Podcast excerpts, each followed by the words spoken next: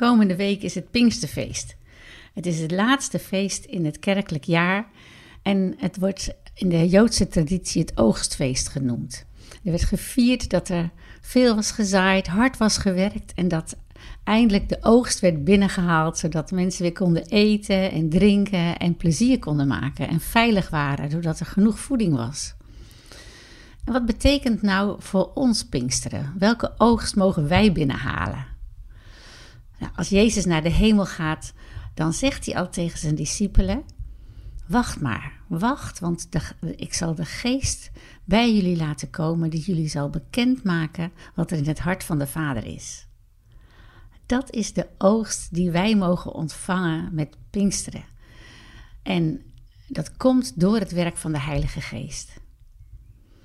En de Heilige Geest is dat deel van God dat ons allereerst het geloof geeft.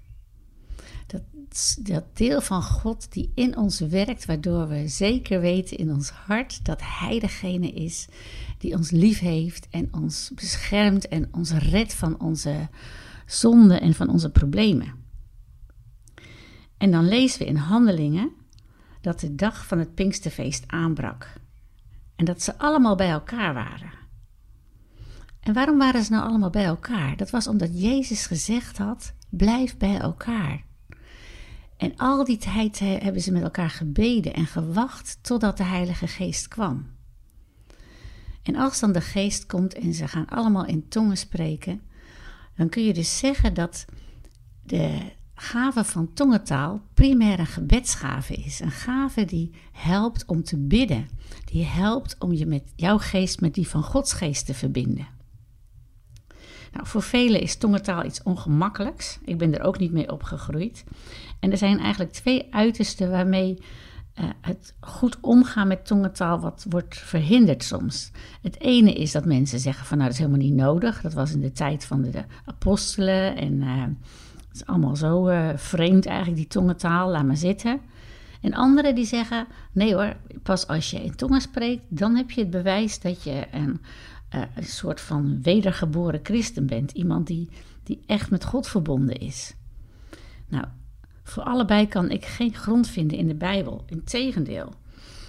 Het is niet voor niks dat Jezus zegt: dit is de gave van gebed die hiermee uh, wordt vergemakkelijkt, eigenlijk.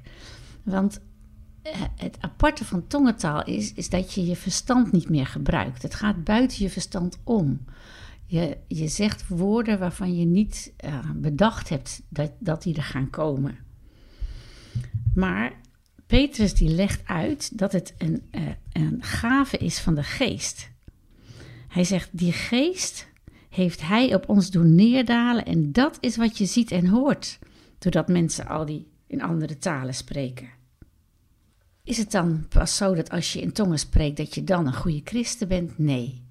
Want gelukkig staat er in de Bijbel, hè, als je Jezus Christus aanneemt, dan kan dat alleen maar dankzij de Heilige Geest. Dus ieder die gelooft, heeft de Heilige Geest. En daar prijzen we u voor, Vader. Amen.